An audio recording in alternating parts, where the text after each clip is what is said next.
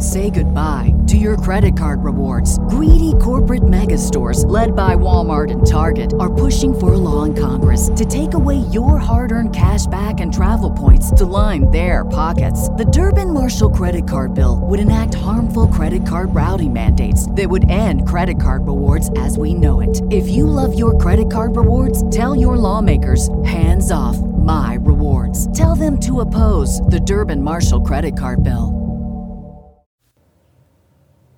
Fighting Through Podcast, Episode 5 Coffee with Claude Reynolds. More great unpublished history. Both engines cut out. And we, we crash landed. Really? Yeah, we crash landed in the field. How did we get through that lot? You know, that was just one mass of, of, of anti-aircraft shells bursting all everywhere. Ice was cracking off the wing. You'd hear the old ice cracking off the wings. Oh, oh yeah, VE night. Yeah. God, hell yeah. Is that a night to That- remember? Oh, was that? Hello again. I'm Paul Cheel, son of Bill Cheel, whose Second World War memoirs have been published by Pen and Sword in Fighting Through from Dunkirk to Hamburg.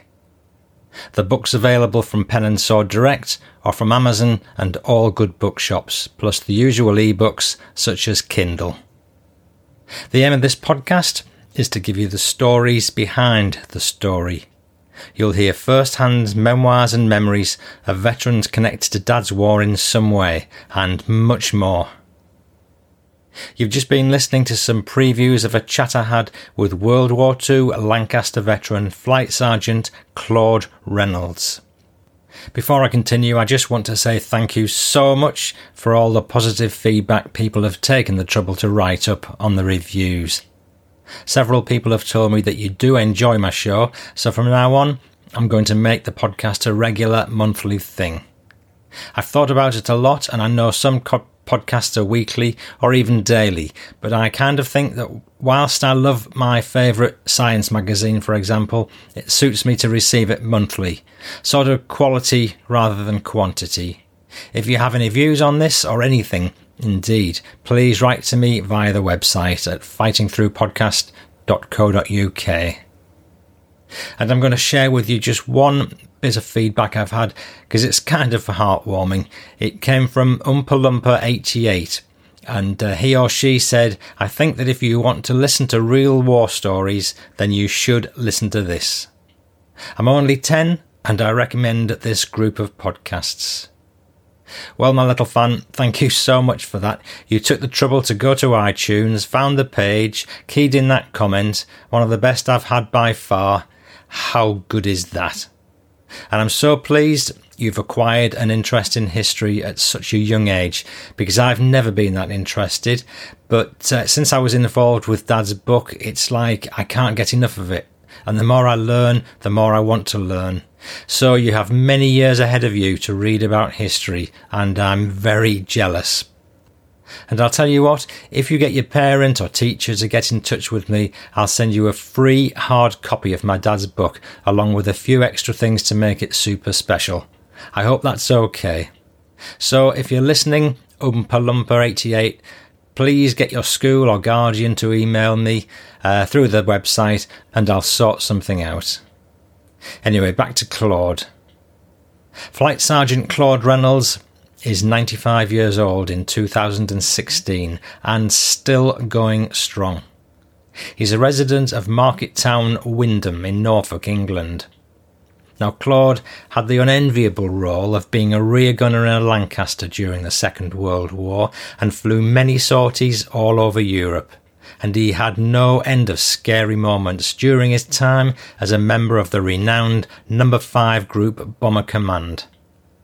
Bomber Command crews suffered a high casualty rate.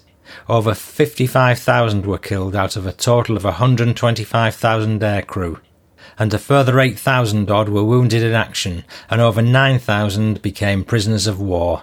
But thankfully, Claude survived. I'll get on with the episode now, and for those who stay till the very end, there'll be some exclusive previews of forthcoming episodes. Do enjoy the show. But either way, please do leave some feedback in the listening app of your choice if you have time. Here we go.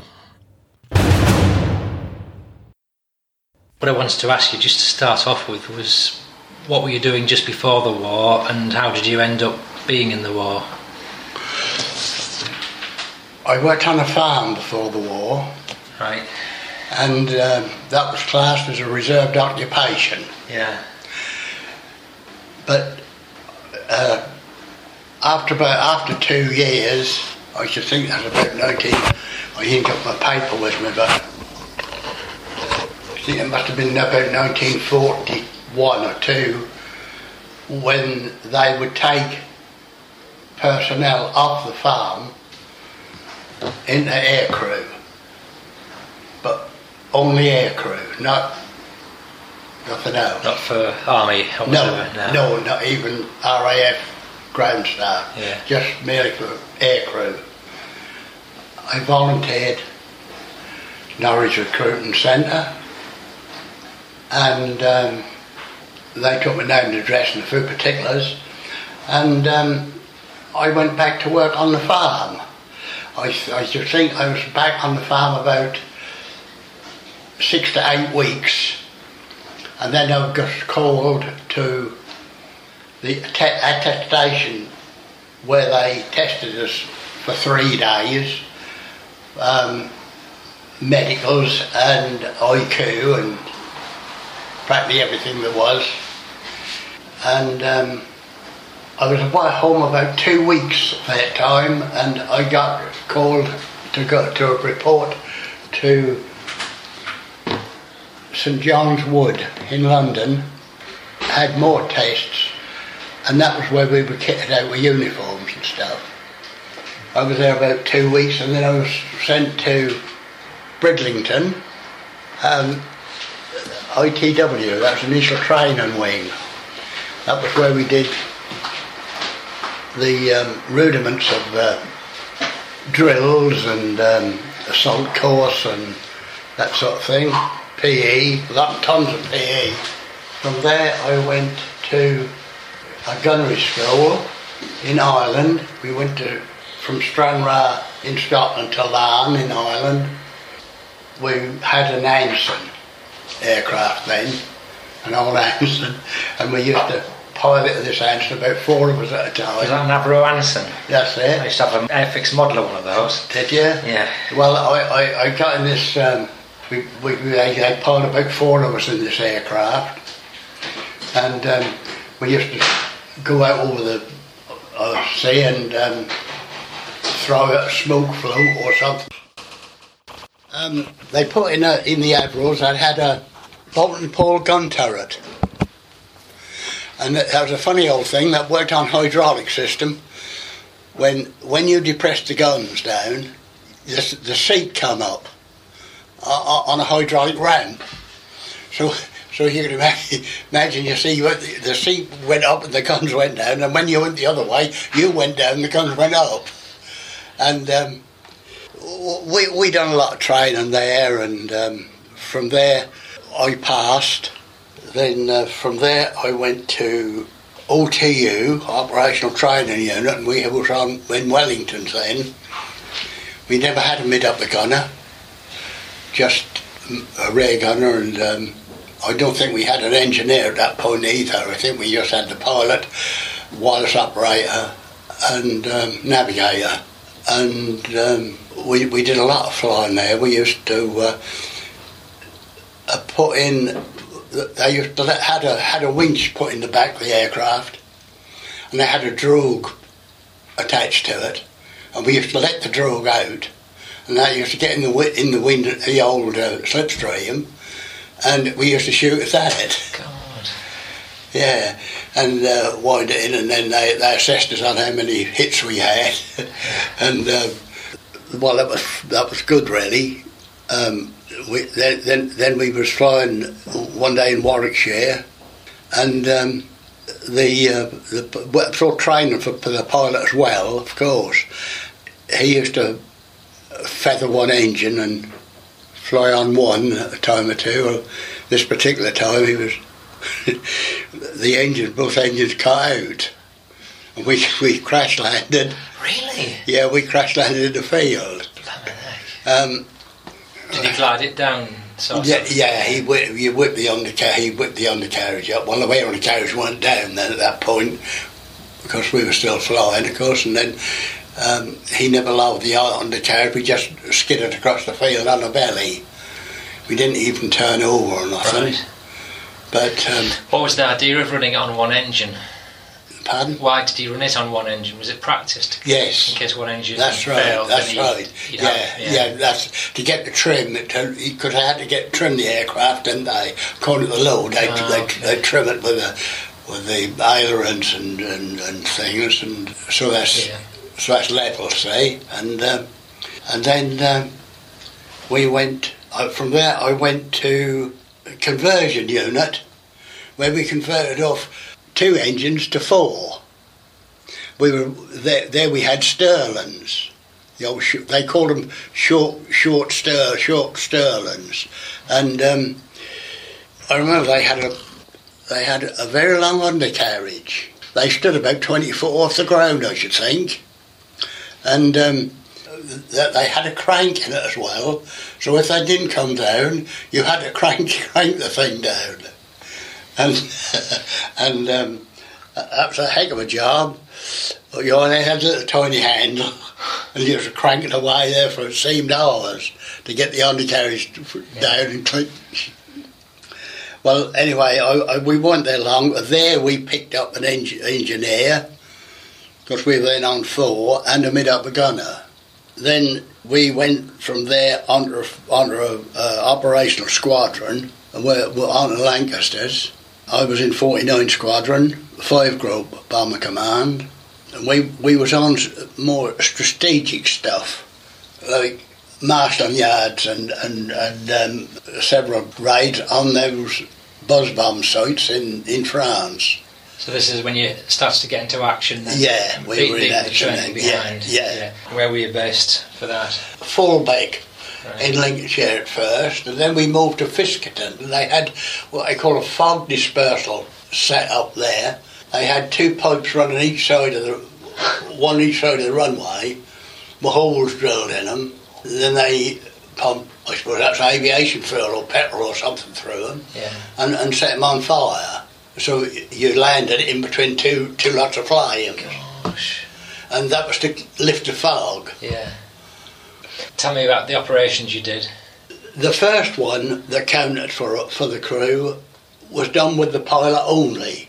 He he went with a crew that had done perhaps twenty or thirty ops, and he went with them on his own. Went with that crew as a passenger just to get some insight into it before he took his own crew. Right. So in the course of the during the 29 ops, there was a gunner one who went sick, and they asked for volunteers, and I, I, I stepped in for their rear gunner, and, and so I did I did the whole 30. Right. So I did an extra one. What was it like sitting in? Were you? So you were in the back of the plane, were you? I was in the rear of the plane, yeah. So yeah. what was it like sitting in the back when you were going on an operation? Cold. Was it cold? Yeah. Yeah, we, we had oxygen from ground level for eyesight. The gunner, just the rear gunner did. I, I, I think the mid-upper gunner did as well. We, we, we plugged out a, a socket in the in the turret, and um, that supplied us with oxygen at the at the mask, because you had a mask on, you see, and uh, and with earphones and that all in, and um, that was so cold. uh, In the rear, that's the rear turret only that was cold because the other got the heat from, from the engines. That was heated up the front. And you know, the, the navigator and the, and the wireless operator, they, they just got in the shirt sleeves, really. Did it ever get so cold you couldn't really do the job properly? Well, uh, no, no, no, not really, because you, you had to be alert and do it, didn't you, somehow? You had to do it. But, um, you, you'd got an aircraft to look, to look after, and then you'd got all the men you Yeah. they were relying on you, really. To defend them. Yeah. To defend them, weren't they? That's all, that's all we had. And they, I mean, we only had three or three. Our, our guns that we had were, were Browning three or threes. They only had three or three ordinary rifle bullets in, really. Yeah.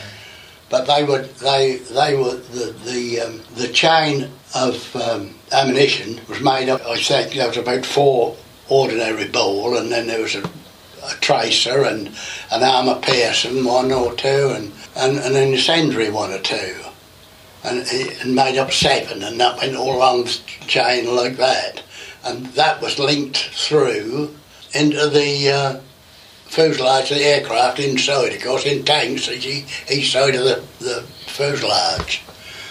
And um, it had four guns in the rear and two guns in the mid upper.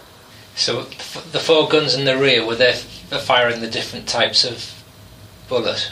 Yeah, they, that's how the belt was made up.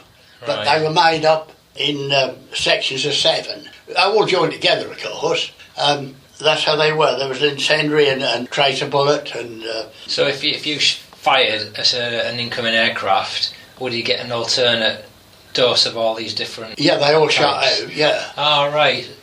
yeah they all shot out. Was Yeah. it, so it was one of the one of one, one of the next, one of the other. Uh, something like that, yeah. In a- in- all in the line, in then, line, yeah. then you all the way through, all the way through the belt right this is the fuselage. You see, yes. Yeah. you have to have 1250 rounds a minute. Wow. They were fired electrically because recoil wasn't to win it quick enough. Gosh.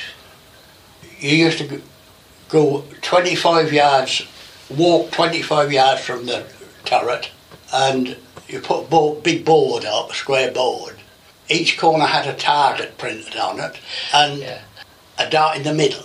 The dart in the middle was for your sight. You you put got your sight lined up of that, and then you, you synchronise your guns out of these four corners. Now, if you've done it right, at 400 yards, the bullets would converge into one lump, Right. and that was the most deadliest point we had. But that had to be within 400 yards. So did you ever, when you were actually on a mission, did you ever shoot another plane down, an enemy plane? We, as I said, we were on smaller targets than that, about 250 aircraft, I suppose. We went to Stuttgart. Uh, we bombed Stuttgart one night, and I think nearly every mem- every aircraft had a combat with a fighter. Yeah. They they put hundreds up that night. You wouldn't get the two combined. You either get fighters or you got anti-aircraft fire. Okay. You see, that particular night, that was a moonlight night, because they, they, they thought they'd put the fighters up, they said we, we, we got combat, and they give us probability. So many aircraft had a had a combat that night, they couldn't really separate them, if you know what I mean. Yeah. So they get they give us a probable, probably destroyed. I know I, fired nine rounds. I know, I know because they they changed the barrels. They when you come down after a raid, you go debriefing, and um, they asked you what you've done and what you saw and anything unusual and did you have any combat, any trouble anywhere and that sort of thing. And he said, how, how many rounds did you reckon you fire? I said, quite a few. Well, he said, we'll change, we have to change the barrels. So they, they, they did they did look after it a bit. Yeah. You fired at several, but I found I used to find that if you fired at them, they'd go away. They wouldn't face that. Them they, they wouldn't face it. Ah, right. So it was a good I, defence. I, I think they were. Yeah. I think that was getting that part of the war, 1943, 44. I think they were very young pilots they had then. I think they were getting short. I, I know if you if you open fire on them, say seven times out of ten they'd go. They yeah. Yeah. they'd veer off and you wouldn't see them anymore. They, they wouldn't face up to it. Although although they had bigger guns than we had, they had point five, Right. the same as the Americans had. I guess it's a case of if they could sneak upon you unawares. I think, yeah, they are, that's right. but- They used to kill people, and they had a lot of little tricks to do. They used to send a white one up and get that in between you, you and the moon, and you'd see that, and, and if you- you'd want to watch it. You, that was your instinct to go on there and watch it. Then they'd have a, an ordinary black one come up and blast you from the other side or underneath. God. Underneath was their favourite. So yeah, I used to ask the pilot oh, when you had a combat, you took over really. You, you asked the pilot to do You asked the pilot yeah, to do things, Yeah. Like to, tip it over, so you'd have a look underneath now and again. You used to do what I call a butterfly corkscrew. for an evasive action. You used to go down starboard, and I think that was down starboard, up, up starboard, and, and, and down port and up port, and then you were back on, on target again. But he was a little bit vicious, but he used to go down and up, yeah, he used to fly that whole thing. He used to sling that about as if that was nothing. Presumably you wore a harness. Oh, you had a you had a strap over your lap. Yeah. Because behind you see, uh, oh, that was like sitting in this chair, and you had behind you two do- a, a little tiny double doors Yeah. with a little catch on, and you you could pull them open, and there was nothing down there, only under the ground. Oh. Because you could look down up the ground. Gosh. Yeah. Oh, because you were you were in like a, an upside down uh, uh, glass bulb, weren't That's you? I right. Yeah, that's And right. all, yeah, 360 That's- degree view. I hadn't got 360 because you shoot the aircraft, would you? Yeah, well, yeah, sure. I used to have 180, Yeah, I? yeah, You know. yeah. Uh, yeah. The uh, mid upper guy, he, he could go round and round and round. Yeah, that was uh, that was fun, really. Are there any particularly hairy missions you went on?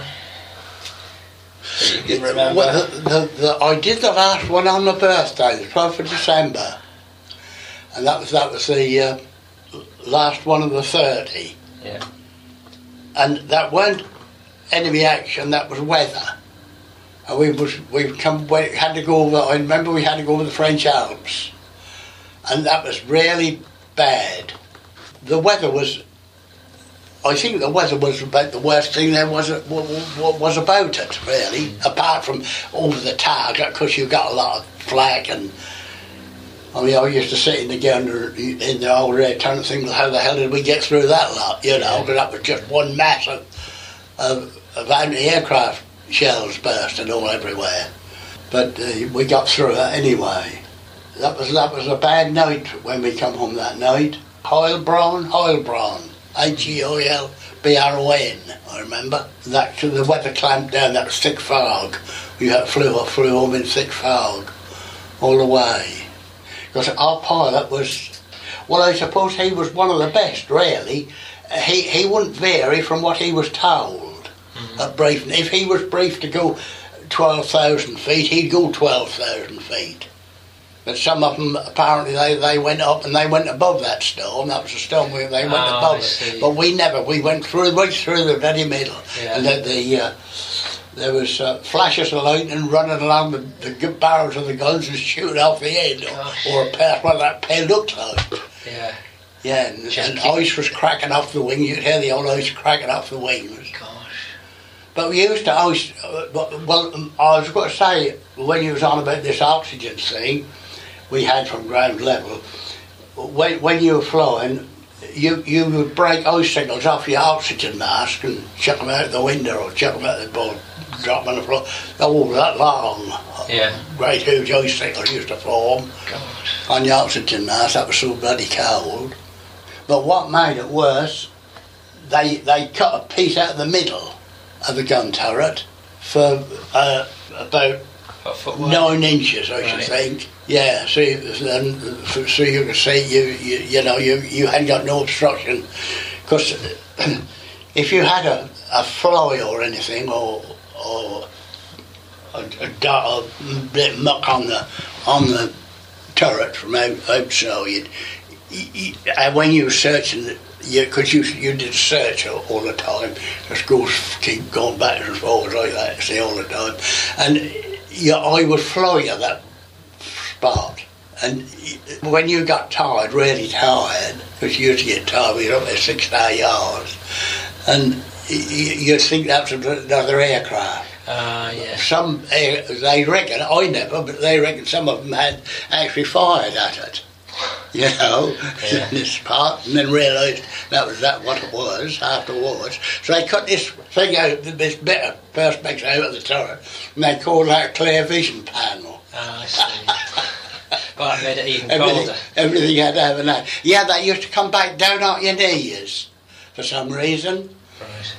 The the the, the cold air. Your, your knees used to get absolutely frostbitten. Did you ever actually uh, take fire on the, on your aircraft? You know, did you get uh, anybody firing at you? Yeah, yeah, and you you come back perhaps with, a, and you you could come back with a well, it's a bomb. We carried no end incendiaries and dropped them down. You see, they were in in they were um, octangular shape and um, in in sticks. I suppose a little bigger than a hoe handle, I suppose. Mm-hmm. We used to drop them, and they you could have one go through your wing if there was another aircraft above you. Right. So you used to get what used to happen. I reckon we lost a lot of uh, aircraft through collision because what happened was for, for the start off about half hour before we left off, before we lifted off, the, the, pathfinders would go. That'd be a couple of mosquitoes or something like that, and they'd go and find the target And they would then load that target up, and to find it, they drop white flares, you see. And then uh, once they found the target, they then, if, if that was where they wanted the bombs to drop, they'd back that up with green flares. If that was wrong, and they knew that was wrong, they'd drop red flares and cancel that out. Oh, and then okay. they would have a go. Well, we went one night, we were, we were circling for three quarters of an hour. Um, they couldn't find the target. They said um, Main Force um, orbit. That's all they said. And that means you've got to find a bloody place to keep on round, round, round. And we did that. Well, by the time they said come in and bomb, the whole lot of aircraft had got all there together. Yeah. And when they said come in and bomb, they come in from all directions. And that went on, and, and all heights. So I, I think collision was, was well, be. Wiped out more planes than the enemy. Well, we they, they did a, we I reckon we did a lot. I reckon they did a lot. I reckon we lost a lot through collisions. Because that's the funny thing about that. Uh, we used to take off. We used to take off from from in Lincolnshire off the squadron, and we used to fly to Reading, and that's where we'd sort of rendezvous at Reading. And then that, that's when you'd see different squadrons, different aircraft there. Mm-hmm. And then by the time you got to the south coast, you wouldn't see nobody. They wouldn't see one. They were all on different different different heights and one thing and another. You see, you you wouldn't see it. You wouldn't probably wouldn't see another Lancaster till you got nearer the target. Mm-hmm. And then they just begin to see perhaps you see one, then two, three, and then half a dozen, and so on. You see, and then converging on that target, and that's where I reckon we lost some uh, okay. air, air, aircraft that way. Good so. Well, I think we were about the only people, aircrew, as far as I know, who had sheets. We had sheets and pillow slips to sleep in. To sleep with. I think we were about the only lot. The army never, certainly never had them. They just had a couple of blankets or so.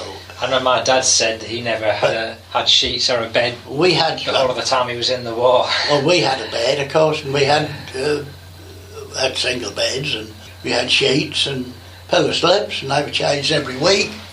I guess there was a an, an imperative that you got a good night's sleep because if you're in an aircraft for six hour shift there's only five of you, whatever it is, on the aircraft. You've, yeah, well, they never did disturb us when we got back into billet when we used to go to bed about two or three o'clock. Well, that'd be later than that, perhaps. Yeah. Daylight. It was daylight when we got back. And it, sometimes we were on the um, we weren't always on the flying list, but we, we got through ours, I should think, in six or seven months. Yes. Through that 30. And then after the 30, you just went back to farming, did you? No, no, no.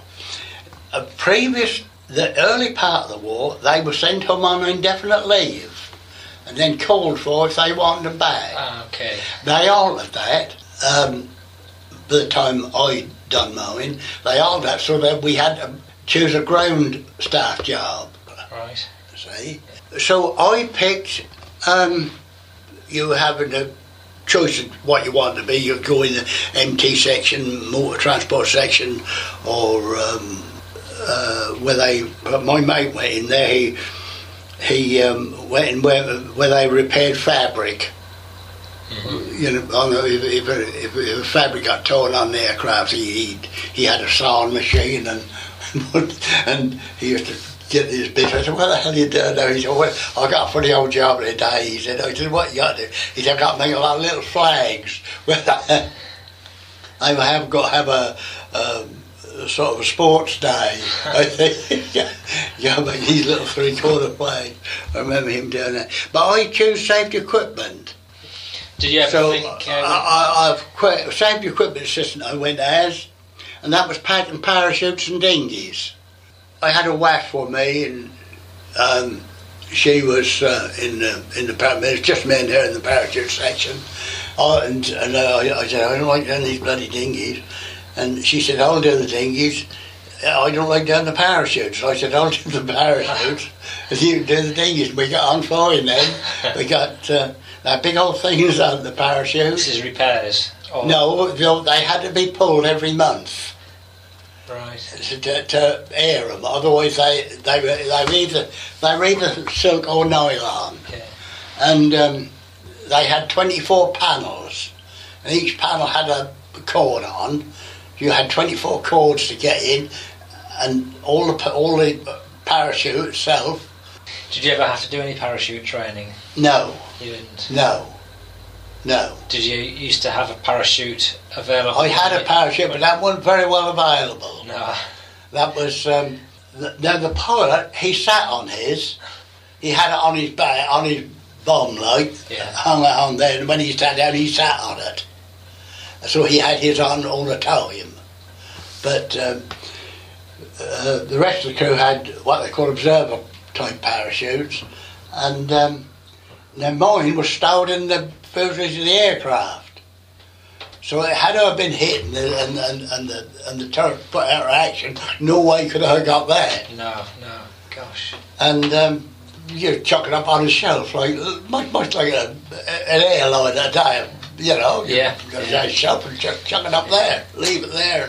God. You had wore the harness, and the harness you, you had strapped on, and that come round you, and that clipped it or a, or a, a circular thing at the front, and and two two two went that way, the ones that come out, and then um, you had one in, up in between your legs, two in between your legs, and they clipped on there, and then all you had to do was uh, to release them, just turn it and hit it, and that'd, that'd all fall apart. Yeah. And um, and then we had a Mae West.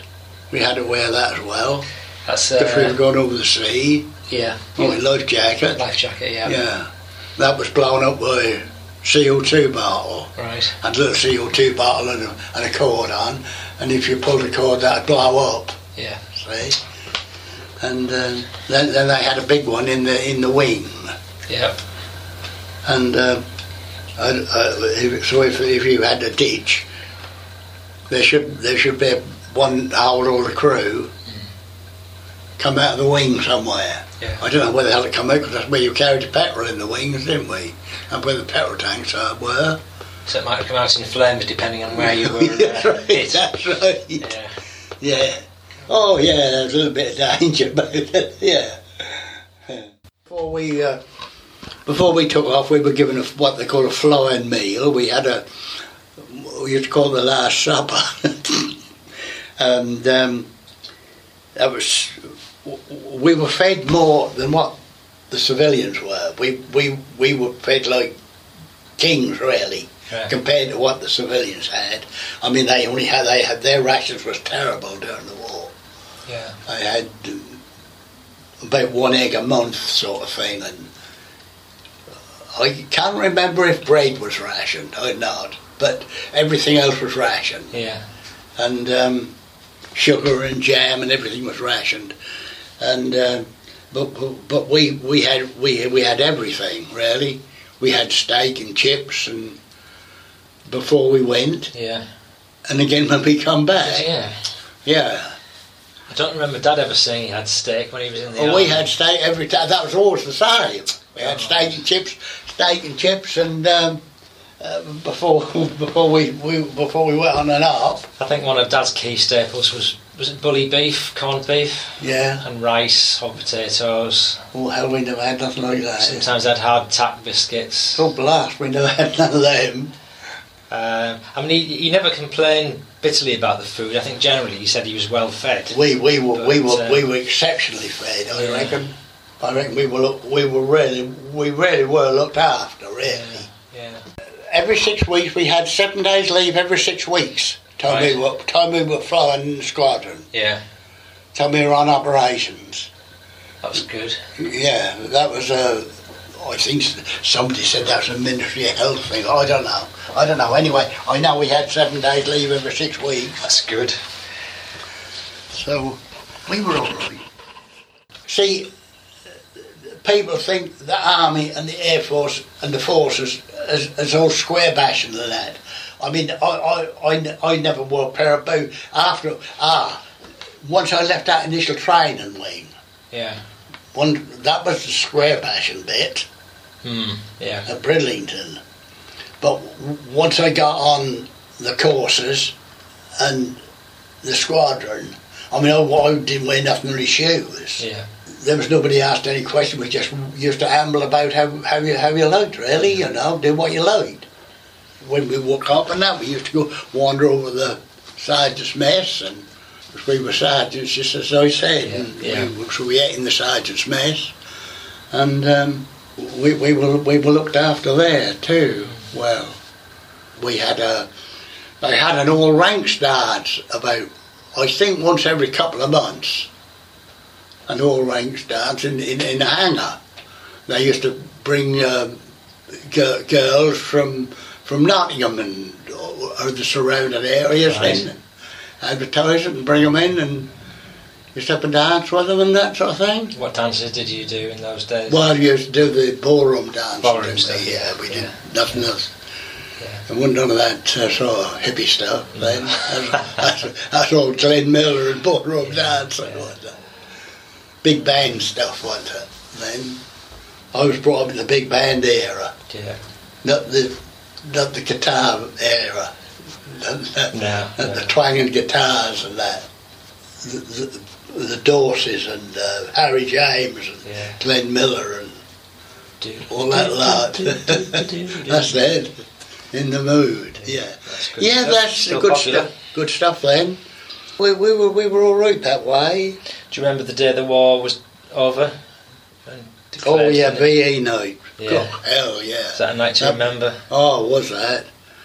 There was everybody uh, dancing on the bloody on the on the drum everywhere. Even the officers joined in. Yeah. I was dancing. I remember I was, I was dancing with the wife and the bloody head, head, head commander, the uh, the well squadron squadron commander. He come, he come up and he tapped me on the shoulder and he said, uh, "I'll I'll, I'll, take her from here." And he he whipped off with her somewhere and he brought her back again. Yeah. So he had half an hour with you. Yeah, yeah, yeah. That all blessed. Yeah, that went on. That was a hell of a night. We had a, and one thing I can remember was um, we we had a, a, a pond where they used to do. We used to do dinghy drill in there. You know, they turn a dinghy Oh, upside yes, down. yes. We had to jump in, put a and climb in and climb out again, and all that business. And um, there, there was just a little dinghy uh, uh, sitting on this pond, and they dragged that bugger out and put that on a fire. We had a bloody, they lit, lit a bloody great fire. Um, chairs and tables and everything we burned, they, they set fire to. Well, the, the, the amazing thing was, the admin officer, he was stood next to me, pulling this bloody chair up, putting this bloody chair on the table. I had hold, I had hold of the top, he had hold of the bottom, we slung it on. And the next bloody day, he was going round to find out who did it. Was he? Yes. And it was him you didn't remember? Yeah, no, drunk? no, he didn't oh, remember Oh, it. gosh. God, God, no, he didn't remember it. I, I, never, I, I, I never got like that. Only once. I got, got like that once. We um, we went on ops, and um, the fog came down over in Lincolnshire, and we got diverted to Mildenhall. And um, when we come down on our own squadron, of course we we'd have a meal, as I say, and tea. Well, they they didn't. That was an Australian squadron. They gave us a bloody mug of rum. Right. Well, I drank this rum, and I can't, to this day, ever remember getting from that Mildenhall back to the squadron. How the hell I got it? I don't know how we done it. I don't know. I I, that's a blank, a complete blank. He must have been carried. I don't know. Or I don't know nothing. And nobody ever did tell me. yeah, Yeah, Well, Claude, on that note, we'll, I think we'll draw to a conclusion, and uh, I'll just say thank you on right. my behalf and anybody else who happens to listen to this in years to come. which I dare say might include your children or grandchildren. Well, no, I don't know.